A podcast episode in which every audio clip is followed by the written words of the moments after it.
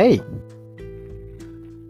selamat datang di podcast Mental Mantul, sebuah podcast yang akan membahas tentang kesehatan mental, berbagai informasi dan kondisi yang terkait dengan kesehatan mental.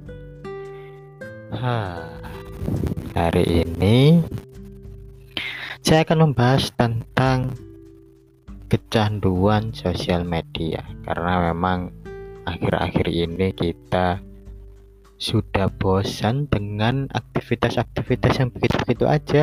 Karena memang PSBB dan kita tidak disarankan untuk sering keluar rumah jadi ya apalagi yang kita lakukan selain ngecek sosial media.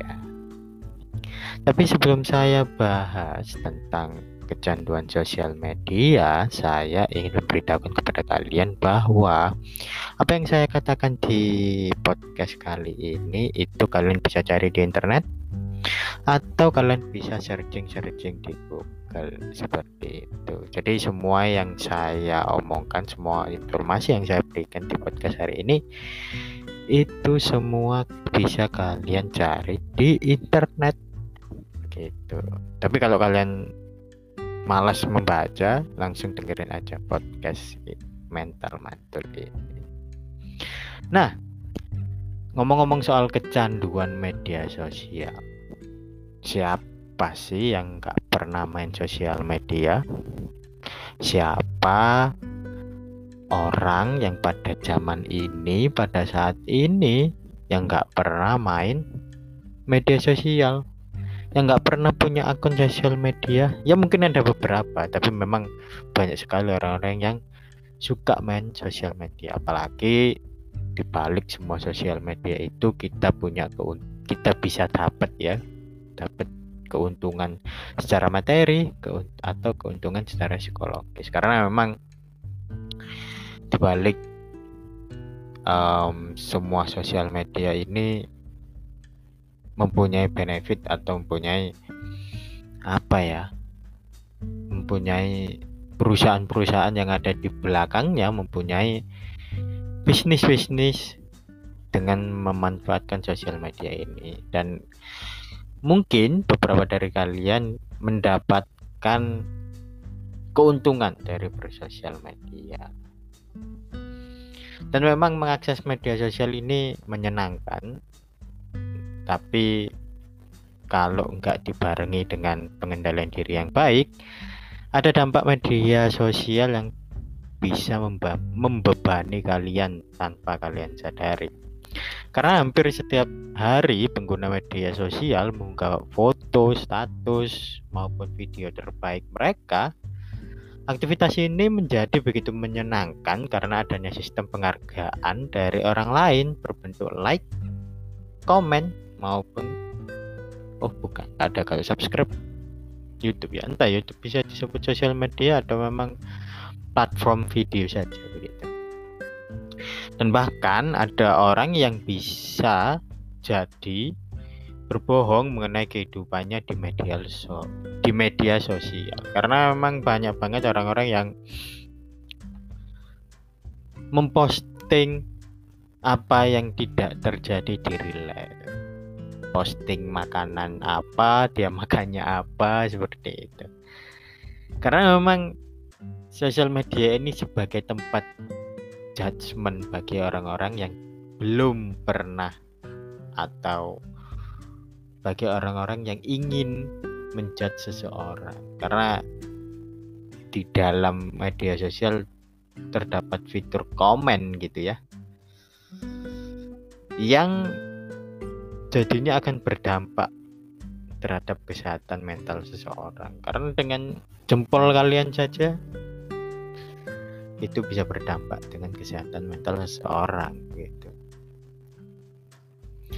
Nggak disangka ya tapi memang memang memang beneran seperti itu. Nah orang dalam rentang usia 18 sampai 25 tahun biasanya menggunakan media sosial untuk mendapatkan informasi terbaru mengenai hal-hal yang sedang viral mencari teman baru atau sekedar memperkuat pertemanan.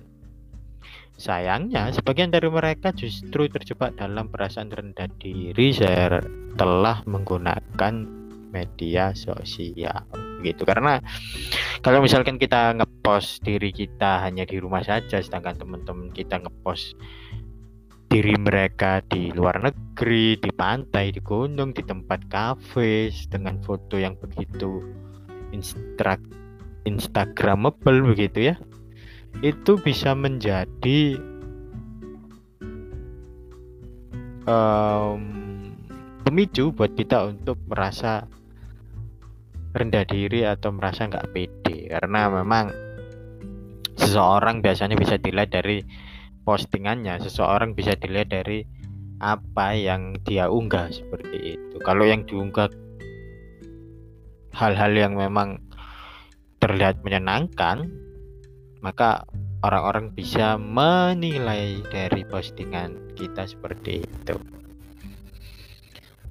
Hal tersebut dibuktikan dengan penelitian yang memang menyebutkan bahwa sekitar 88% orang akan membandingkan hidupnya dengan hidup orang lain yang tampak di media sosial.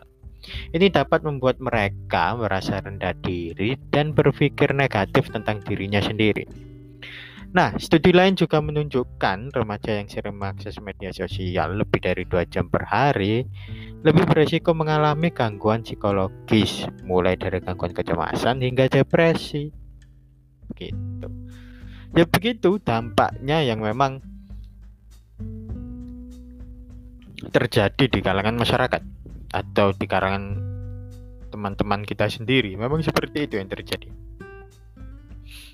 Karena memang banyak sekali dari orang-orang yang ngecek timelinenya itu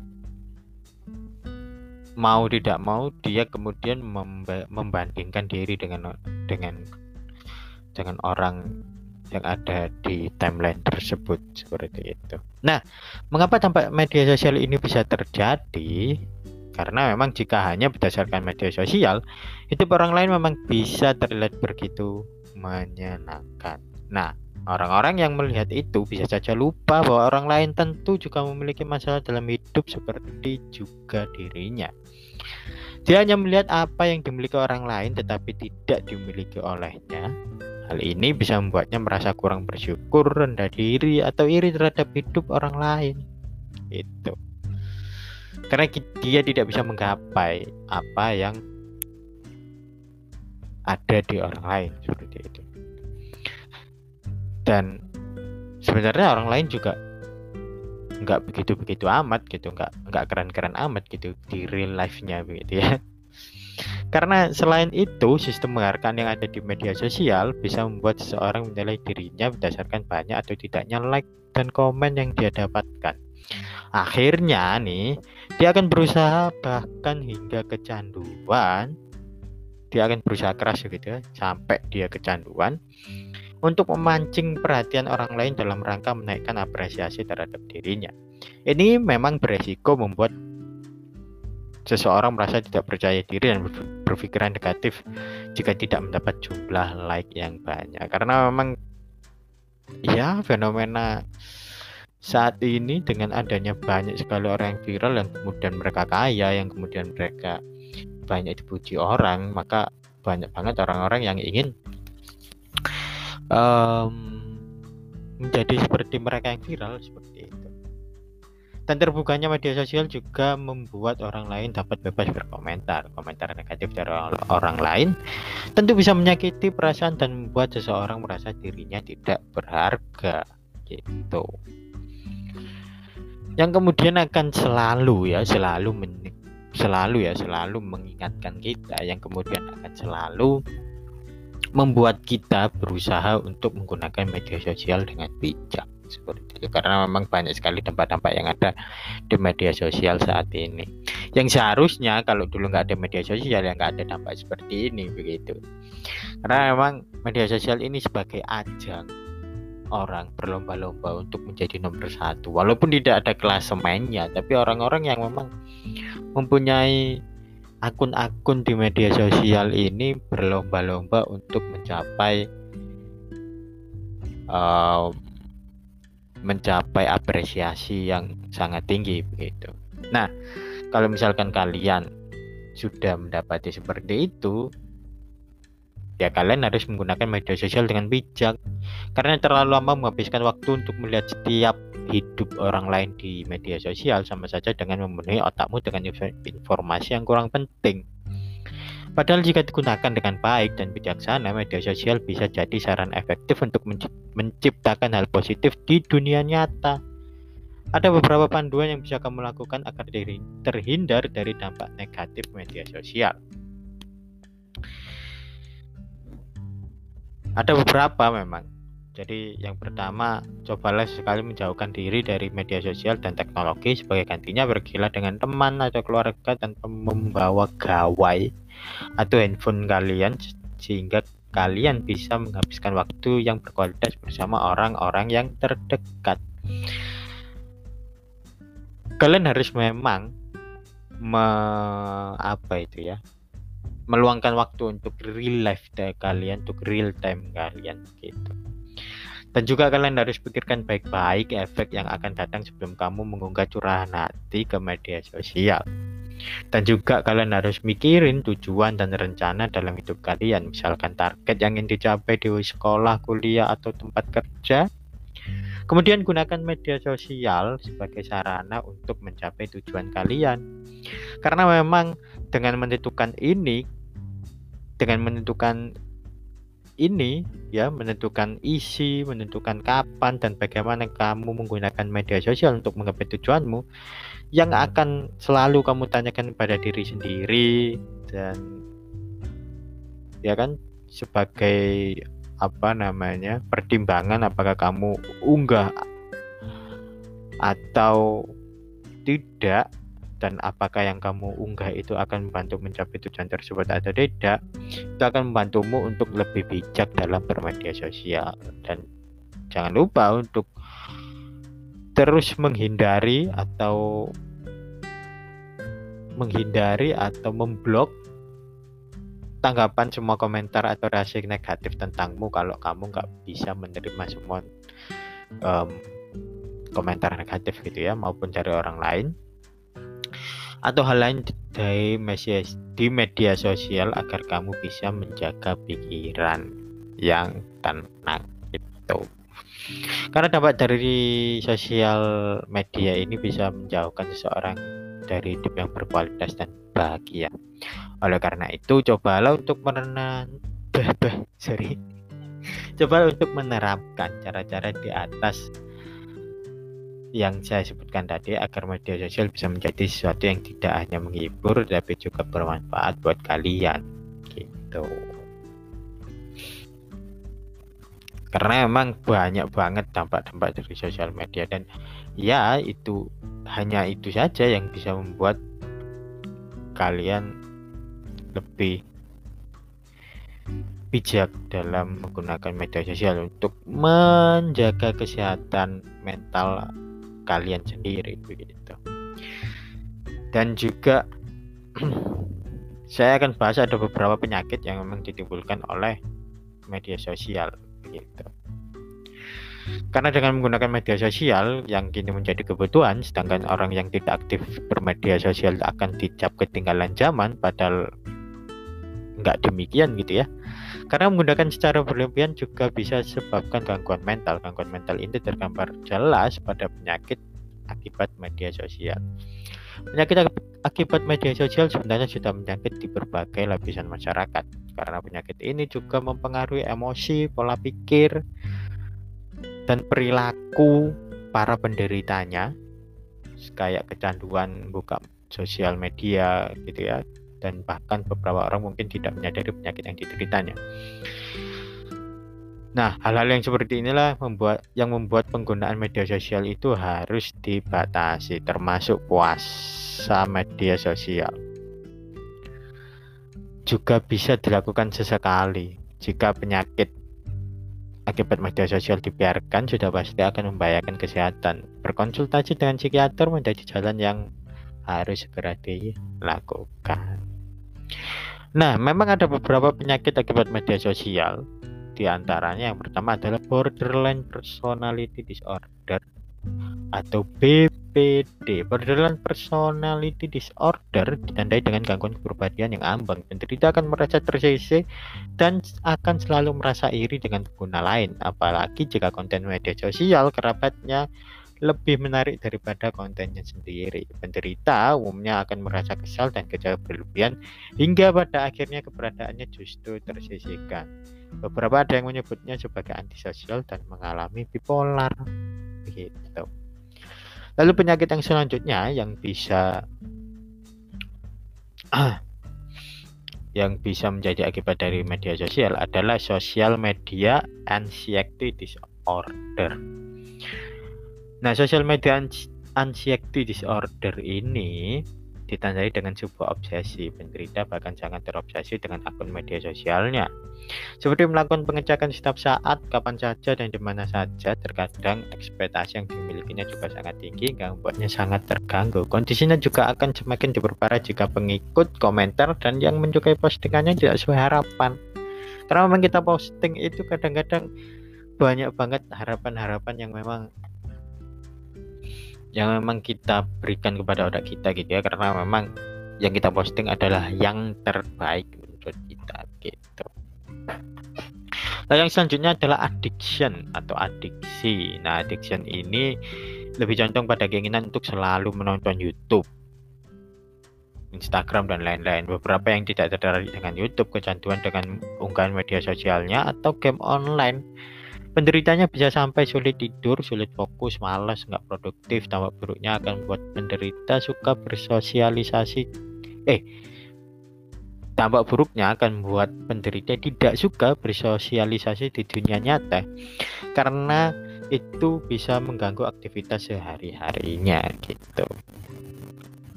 Lalu yang selanjutnya adalah Munchausen syndrome. Munchausen syndrome akan menyerang dalam bentuk sensasi. Kondisi ini memang sangat sulit disadari oleh diri sendiri. Orang lainlah yang akan lebih peka dengan keadaan penderita yang sering berbohong. Penderita juga banyak mengarang cerita tragis tentang hidupnya agar mendapat perhatian dari orang lain. Perhatian ini biasanya akan didapat dalam bentuk komentar atau like. Gitu.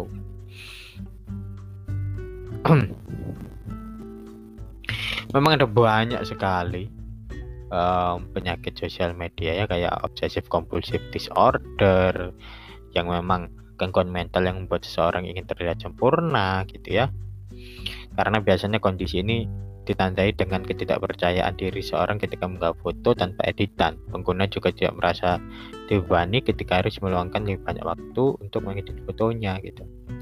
Lalu yang selanjutnya adalah internet Asperger syndrome yang termasuk gangguan mental yang berpengaruh pada kepribadian penderita akan sangat berbeda ketika di dunia nyata dan di dan di dunia maya. Jadi dia apa namanya kayak ada di dua sisi koin gitu. Ada di sebuah kalau di dunia, di dunia nyata mereka akan kayak pakai topeng gitu. Entah di dunia mayanya pakai topeng, tadi dunia nyatanya dia pakai topeng gitu.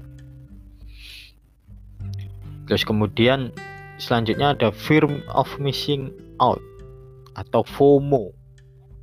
F O M O. FOMO. Syndrome. Adalah penyakit yang ditandai dengan kecanduan. Kecanduan yang dialami berkaitan erat dengan tren di media, di media sosial. Penderitanya biasanya akan mengalami kecemasan luar biasa. Kecemasan ini timbul ketika koneksi dengan jaringan internet dan media sosial terputus Penderitanya sering kali tidak menyadari kecemasan ini, padahal jika terus dibiarkan akan sangat membayangkan, membahayakan mentalnya dan mengganggu kehidupan sehari-hari. Begitu. Ada banyak banget penyakit media sosial, ada narcissistic personality disorder, dis disorder, narcissistic personality disorder ya, narsis ya. Karena orang-orang di media sosial di media sosial kadang-kadang mengagumi dirinya sendiri. Gitu. Jadi dia pengen banget untuk mendapatkan sebuah pujian gitu. kemudian for for years voyeurism voyeurism gimana sih bacanya voyeurism erat juga kaitannya dengan stalker atau penguntit Nah, ini buat stalking, stalking orang-orang yang stalking begitu. Ini bisa menjadi suatu penyakit karena penderitanya memiliki kebiasaan mengintip akun orang lain secara berlebihan. Bahkan ada yang sampai menjelek-jelekkan tanpa alasan yang jelas. Beberapa ada yang sampai obsesif obsesif terhadap akun media sosial orang lain. Nah, ini buzzer-buzzer nih biasanya. Biasanya buzzer-buzzer yang seperti ini nih. Ini bisa jadi hati-hati ya dengan pekerjaan-pekerjaan di luar sana yang me memaksa Anda untuk um, apa namanya membuat kesehatan mental Anda terganggu gitu. Low forum frustration tolerance adalah penyakit yang cukup berbahaya. Penderitanya akan memiliki kecanduan luar biasa pada pengakuan diri. Terkadang ada yang sampai membahayakan nyawanya untuk membuat konten. Mereka bersedia melakukan apa saja, tujuannya hanya agar diakui eksistensinya oleh pengguna yang lain. Jika tidak pandai mengontrol diri, maka penderita akan mengalami frustasi, frustasi hingga depresi luar biasa. Begitu. Banyak sekali memang penyakit-penyakit yang disebabkan oleh sosial media ya, karena yang memang seseorang menggunakan media sosialnya dengan berbeda-beda dan seseorang bisa terkena satu atau dua penyakit yang saya sebutkan tadi gitu. Nah, bagaimana cara mengatasinya? Tadi sudah sudah saya katakan bahwa Anda harus menggunakan media sosial dengan bijak. Nah, ada beberapa cara juga yang saya temukan di sini adalah berlatih mindfulness. Setelah mengenal mengenali respon refleks, pikiran dan perasaan negatif yang muncul secara spontan di kepala saat kamu menggulir media sosial atau menggulir timelinemu, kamu dapat memutus siklus yang tidak disadari. Alih-alih dengan pasif mengalami perasaan iri pada suatu hal di media sosial, kamu dapat membuat pilihan sadar untuk melepaskan diri dari itu. Jadi kalian harus kenal dengan diri kalian untuk mengenali refleks kalian dan pikiran dan perasaan kalian agar tidak selalu negatif ketika kalian secara spontan menonton unggahan seseorang di media sosial. Seperti itu. Kalian harus berarti mindfulness pikiran kalian gitu. Yang selanjutnya bisa dengan cara bingkai ulang perspektif. Distorsi kognitif yaitu pemikiran atau kepercayaan yang tidak rasional salah atau tidak akurat dan itu dapat mengganggu pikiran jika kamu membiarkannya untuk mengatasi pola-pola berpikir korosif ini Ster menyarankan Lex truk Turisasi kognitif mencoba memandang situ memandang suatu situasi secara berbeda. Nah, jika kalian di media sosial menemukan postingan yang akan membuat kalian tidak nyaman seperti itu, nah coba kalian berpikir sesuatu yang berbeda, berpikir dari sudut pandang yang berbeda, maka kalian akan dapat menemukan sesuatu yang membuat kalian akan merasa bahwa postingan-postingan tersebut bisa dimaklumi seperti itu atau paling enggak bisa dimaafkan seperti itu. Ya memang ada beberapa postingan yang memang sengaja untuk menyinggung seseorang tapi kalian harus dapat melihat sisi lain dari itu agar kalian tidak ikut tersinggung dan kalian tidak ikut marah-marah di media sosial